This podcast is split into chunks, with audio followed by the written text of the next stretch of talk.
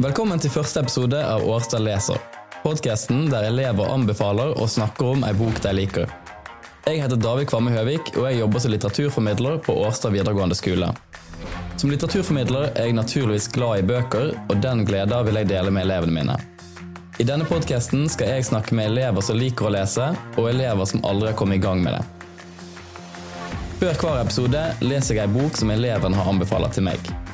I dag er det Cecilia fra VG2 kunst, design og arkitektur som anbefaler To venner av Amalie Skram.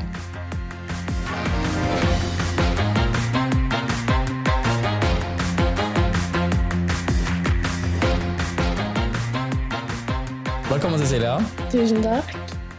I denne podkasten skal jeg snakke med elever om bøker de liker, og da vil jeg starte med å stille spørsmålet hva er ditt forhold til lesing? Altså, jeg har jo lest siden jeg var en liten jente. Eller jeg har blitt lest til av eh, min mor. Min mor er en veldig litteratursterk eh, kvinne. Um, som alltid skulle avslutte dagen med et kapittel. Um, så det er liksom uh, en ting jeg har tatt med meg videre nå. Um, og selv om kanskje ikke mamma leser til meg hver kveld nå, så er det jeg som tar initiativet, og at boken er det siste jeg ser før jeg lukker øynene om kvelden. Når jeg kom på denne podkasten, var du en av elevene jeg tenkte på først. fordi jeg fikk med deg under leseaksjonen. Vi har jo en årlig leseaksjon på Årstad, der mm. elevene leser 20 minutter hver dag i en måned. Da kommer du inn og reiv alle Hamsun-bøkene ut av hylla. Ja.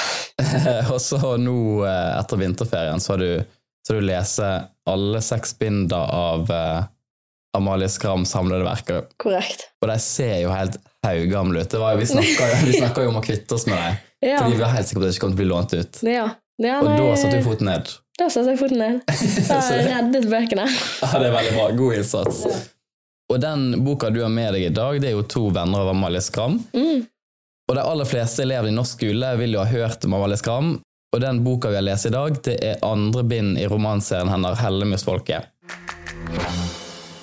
Hellemyrsfolket skildrer ei slekt gjennom fire generasjoner. I den første romanen møter vi en bonde som heter Sjur Gabriel, den alkoholiserte kona Ansoline og barna deres. Romanen vi skal snakke om i dag, To venner, er nummer to i rekka og handler om barnebarnet deres, Sivert. Han skammer seg sånn over bestemora Oline, som raver full rundt i Bergen, at han heller vil ta seg jobb på et seilskip enn å være hjemme. Hoveddelen av handlinga foregår på dette skipet, og vi ser Sivert gå fra en mobba landkrabbe til et akseptert medlem av besetninga. I ekte Skram-stil blir dette tatt fra han når skipet havarerer mot slutten av romanen, og han må returnere til Bergen. Vi kan jo begynne med å spørre deg hvorfor hadde du lyst til å anbefale akkurat denne boka? Stina? Eh, jeg liker veldig godt måten Amalie Skram skriver på. Det, liksom, det, var det som fikk meg eh, revet inn i det fra start, egentlig. Og jeg vet ikke helt hva det var med denne boken. Jeg tror det bare var um, skildringen hennes og hvordan hun beskrev ting i denne boken som bare satte meg helt ut. Mm. Altså måten hun måten hun skriver på, måten hun får deg liksom til å føle eh, som at hun sitter der handlingen skjer, og bare sånn noterer absolutt alt, hver eneste lille detalj. Altså, det er sånn man føler når man leser denne boken. Og eh, hun bare, det er bare helt sykt hvordan hun greier å formidle absolutt alt på. på. Og det bare river deg med inn i historien. Og det får deg nesten til å føle som om du sitter rett ved siden av henne her så er hun jo ute på et skip. Jeg aner ikke hva erfaring hun hadde. Du nevnte jo det at hun hadde vært Ja, hun eh, hadde vært gift med en eller annen seilmann. Mm. Så hun visste liksom hvordan livet på båten var. Men, eh, men altså, jeg vet ikke jeg vet ikke hva mer. Ja, altså, jeg blir overrasket hvis hun har opplevd alt eh, det som skjer der romanen. får seg. Sånn. Ja, så det er jo utrolig imponerende at hun klarer å beskrive det på den mm. detaljrike måten som hun gjør. Og så er jo det helt sånn i midten av denne romanen så har jo du han Sivert.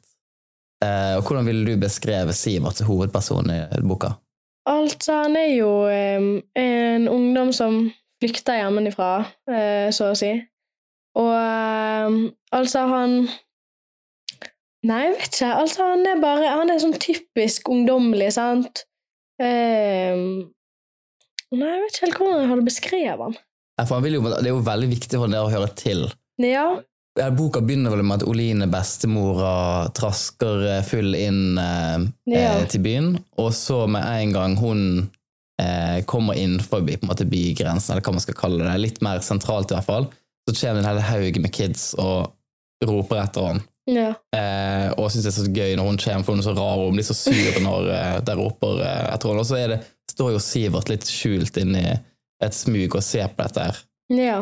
Kjøper du de følelsene han, han kjenner på det med den skammen og Ja, altså, man kjøper jo det eh, på sett og vis, altså fordi han er jo han er jo en slags eh, Han finner liksom seg sjøl på denne båten, føler jeg.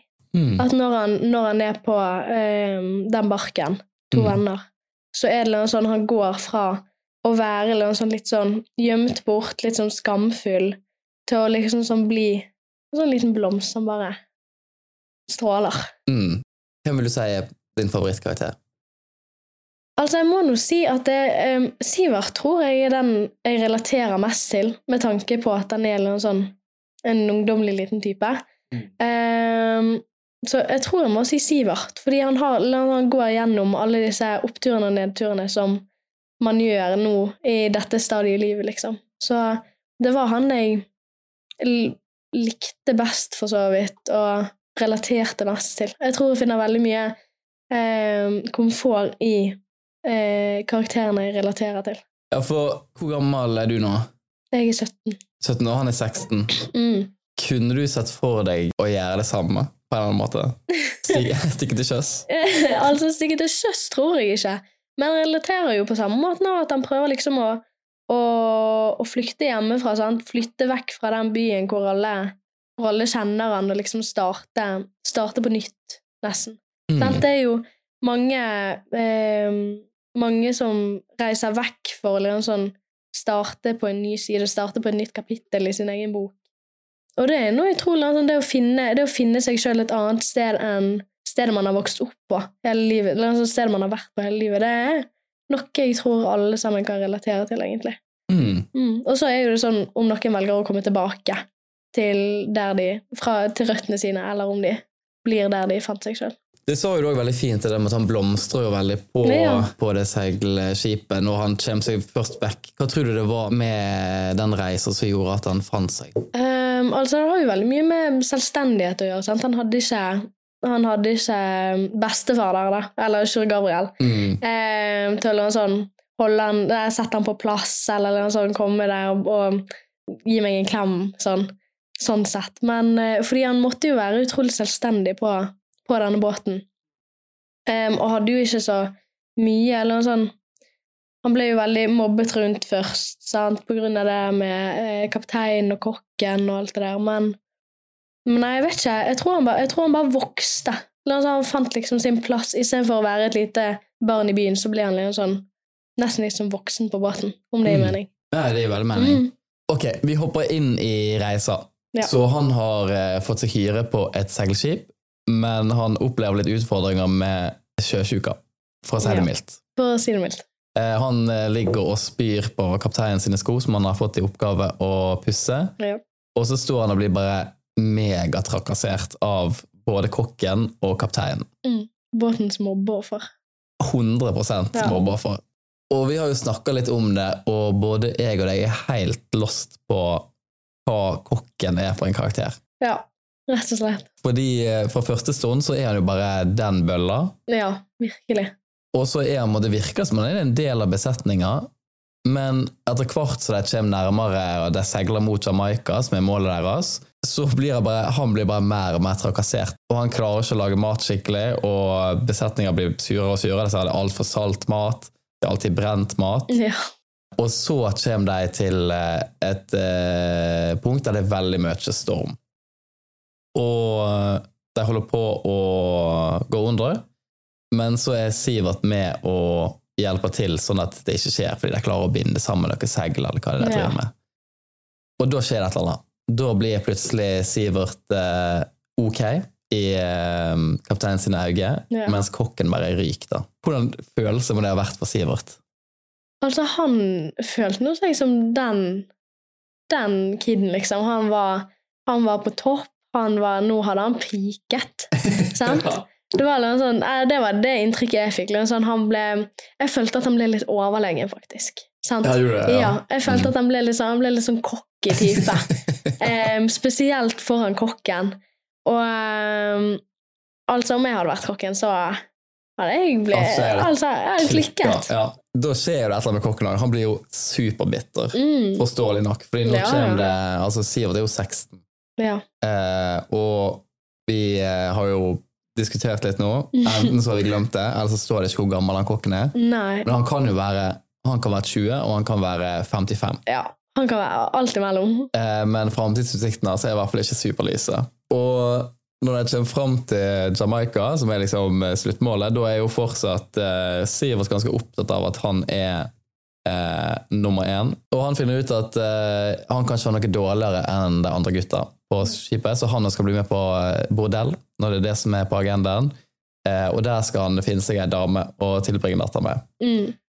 Eh, og så ser man der, og han aner ikke hva han skal gjøre. Og han er klein, og han bare sitter i en sofa. Og det skjer liksom tre damer til han, og han sitter der og er helt sinnssykt ukomfortabel. Eh, og hva er det som skjer da? Altså, greien er jo at alle damene blir jo tatt fra han. Altså, Men altså, det er jo ikke rart når han ikke Han setter jo ikke inn noe arbeid og gjør jo ingenting for å fange opp disse damene, så det er jo så å si hans egen feil. Men Ja. altså, guttungen er jo 16, hva skal han liksom vite? Ja, det tenker jeg jo.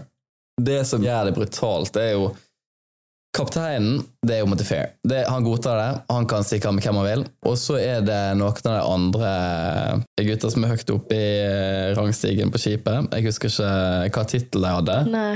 Men uh, de stakk iallfall av med dem, og så kommenterte sånn Ok, ja, men de er jo litt kjekke, så jeg skjønner det. uh, men så, så kommer jo han forbaska kokken. Ja. Og bare stjeler siste dame fra han. ah.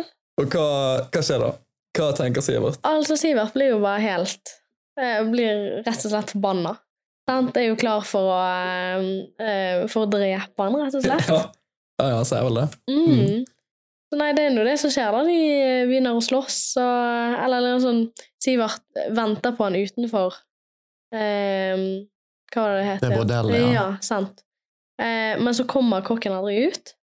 Eh, så derfor, går, eller, derfor skjer det sånn De går bort på båten igjen, og så finner de hverandre og bare banker livdriten ut av Ja. Ja, rett og slett. Til slutt så er jo Sivert er jo livredd for at han har drept han, for han ligger Ja. helt uh, livløs Mm. på, på dekk. Men så kommer jo um, kommer han litt til hektene igjen, han er kokken. Og så, dagen etterpå, så våkner han, og da skjer på en måte det som liksom absolutt ikke skulle skje eh, for eh, Sivert sin del, og det er at noen begynner å snakke om Oline, Sant. som er bestemora Mm. kaller henne for gamlefylla, og begynner å trakassere han og bestemor på det groveste.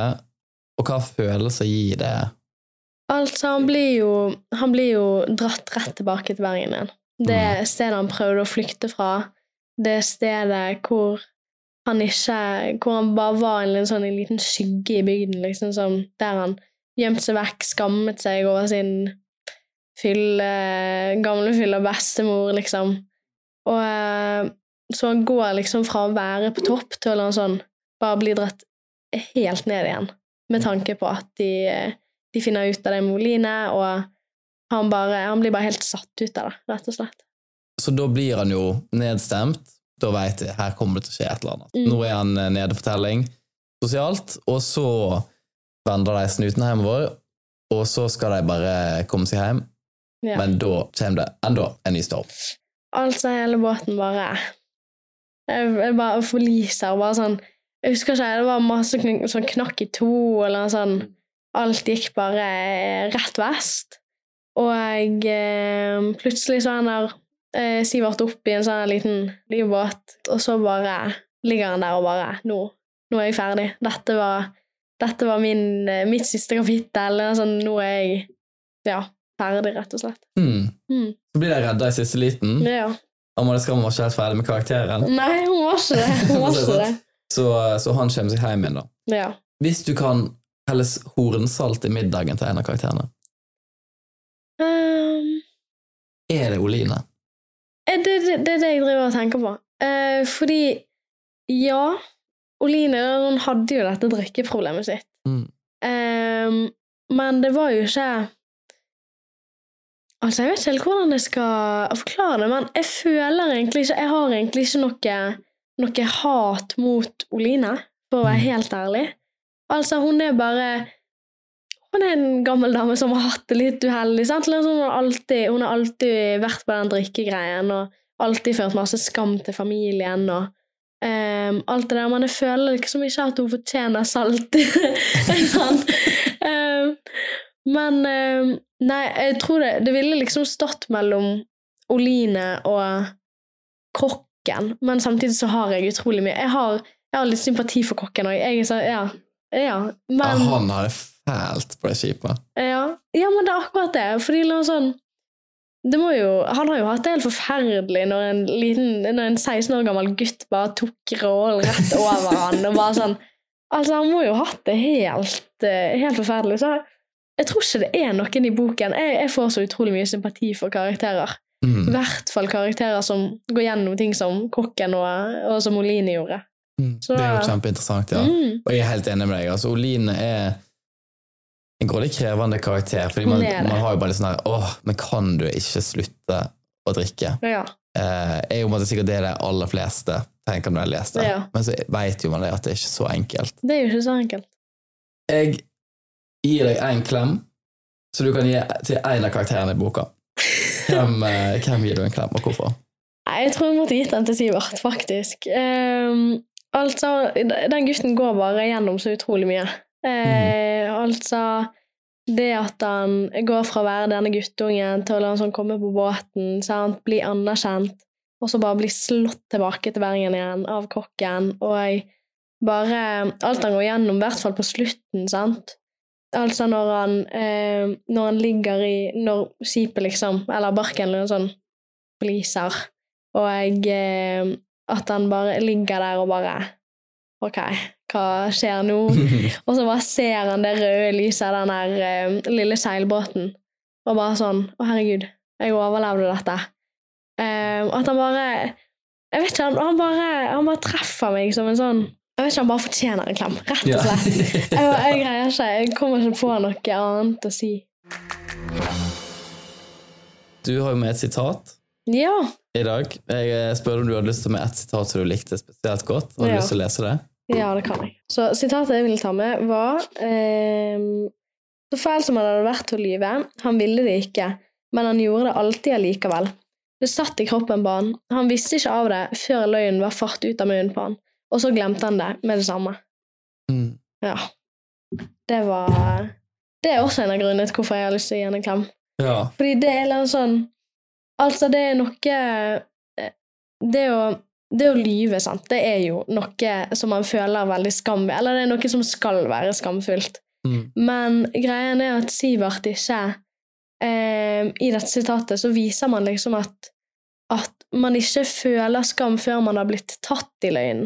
Om det Mm. jeg henger for greip. Og det er liksom, det føler jeg er noe alle kan relatere til, fordi det er ikke alltid man nødvendigvis mener å lyve, eller, noe sånn, eh, gjør noe fælt ved å lyve. Men så når man først blir tatt i det, så blir det sånn Oi, shit, Mm. jeg løy. Og eh, at da, at da kommer skammen inn. Og det var det Sivert gikk gjennom. Det var sånn, han hadde fortalt noe eh, uten sånn bevisstheten av at han hadde vridd om på ting og egentlig løyet litt, og bla, bla. Og så, når han blir tatt i det, så blir han sånn herregud, hva, hva er det som kommer ut av munnen min? Mm. Mm. Er dette en bok som du vil anbefale til hvem som helst? Jeg tror jeg, sånn, det, er, det er en bok man Eller det er liksom en samling man er nødt til å sette seg inn i. og eh, Jeg ville ikke anbefalt den som en første bok å lese. Nei. Sant? Man er eller sånn Skram er eh, en veldig eh, rar person å lese av, synes jeg. Eh, når jeg først satte meg inn i det, så ble jeg litt sånn Å, herregud, dette var deprimerende. Mm. Sant? Det er noe som man får det, det er bare, Når man leser skrambøker, så er det noe sånn, sånn en bølge av bare sånn dyster, mørk Eller sånn, eller sånn Litt det, av en pitch. ja, virkelig. Altså, det er bare Det, det virker nesten som hun skriver for å liksom sånn sende deg på sånn mentalt sykehus eller noe. Altså, du, blir Mm. bare, du blir bare helt Du blir bare helt tatt i sengen og bare sånn Å, herregud, hva er det jeg leser? Og pluss det er jo litt sånn vriene ord. Jeg skal ikke lyve, jeg måtte ta opp ordboken et par ganger. sant? Men ellers så er det eh, Ellers så er det liksom sånn Jeg synes at det var utrolig gode bøker, men det er fordi jeg er, jeg er sånn som blir um, veldig tatt opp og veldig sånn revet med når um, når det blir skrevet god litteratur. Altså gode ord, gode skildringer um, og alt det der. Det er sånne ting som bare fanger meg helt opp, og, og derfor fortsetter jeg å lese boken. Så um, jeg ville ikke sagt at man måtte vært leseinteressert for å greie å komme seg gjennom en Amalie Skram-bok, men det hadde hjulpet Mm. å være leseinteressert. Ja. Mm. Og nå holder du på å lese noe annet. Ja. Hva har du lest på? Ah, jeg leser Fuglene, eh, Fuglene, eller hva Ja. av Terje Ter ja, Vesaas. Um, den ga David meg i går. Og eh, det var ondskap. Faktisk ondskap. Mm. Nå har jeg lest Jeg er på tredje kapittel og begynte å grine i går kveld. Altså, jeg var bare helt Ja, det er bare å beklage. Ja, nei, men det er bare Det er bare et eller annet med sånn god litteratur som bare setter meg helt ut. Og Mm. Alt jeg føler altså, Når jeg har den boken i hånden, så tenker jeg sånn Å, herregud, dette var det er skjebnen at jeg sitter her og leser akkurat dette, og jeg er utrolig glad for at eh, For at jeg siden liten har vært bokinteressert og leseinteressert. Og det har jo hjulpet i andre eh, spektre av livet. Mm. Sant? Altså eh, Det å lese flere sider i, i norsken, for eksempel, det er ikke like vanskelig som det er for andre, kanskje. Og, og det å fange, med, fange opp ting og få med seg ting som ligger litt mellom linjene, det er liksom en, en egenskap jeg føler at jeg har fått av å lese bøker. Mm. Mm. Ja, så bra. Ja. Det var jo det perfekte avrundende ordet, tror jeg. Så da må jeg si tusen takk for at du ble med, Cecilia. Vær så god. Det var en ære. Ok, Takk for nå.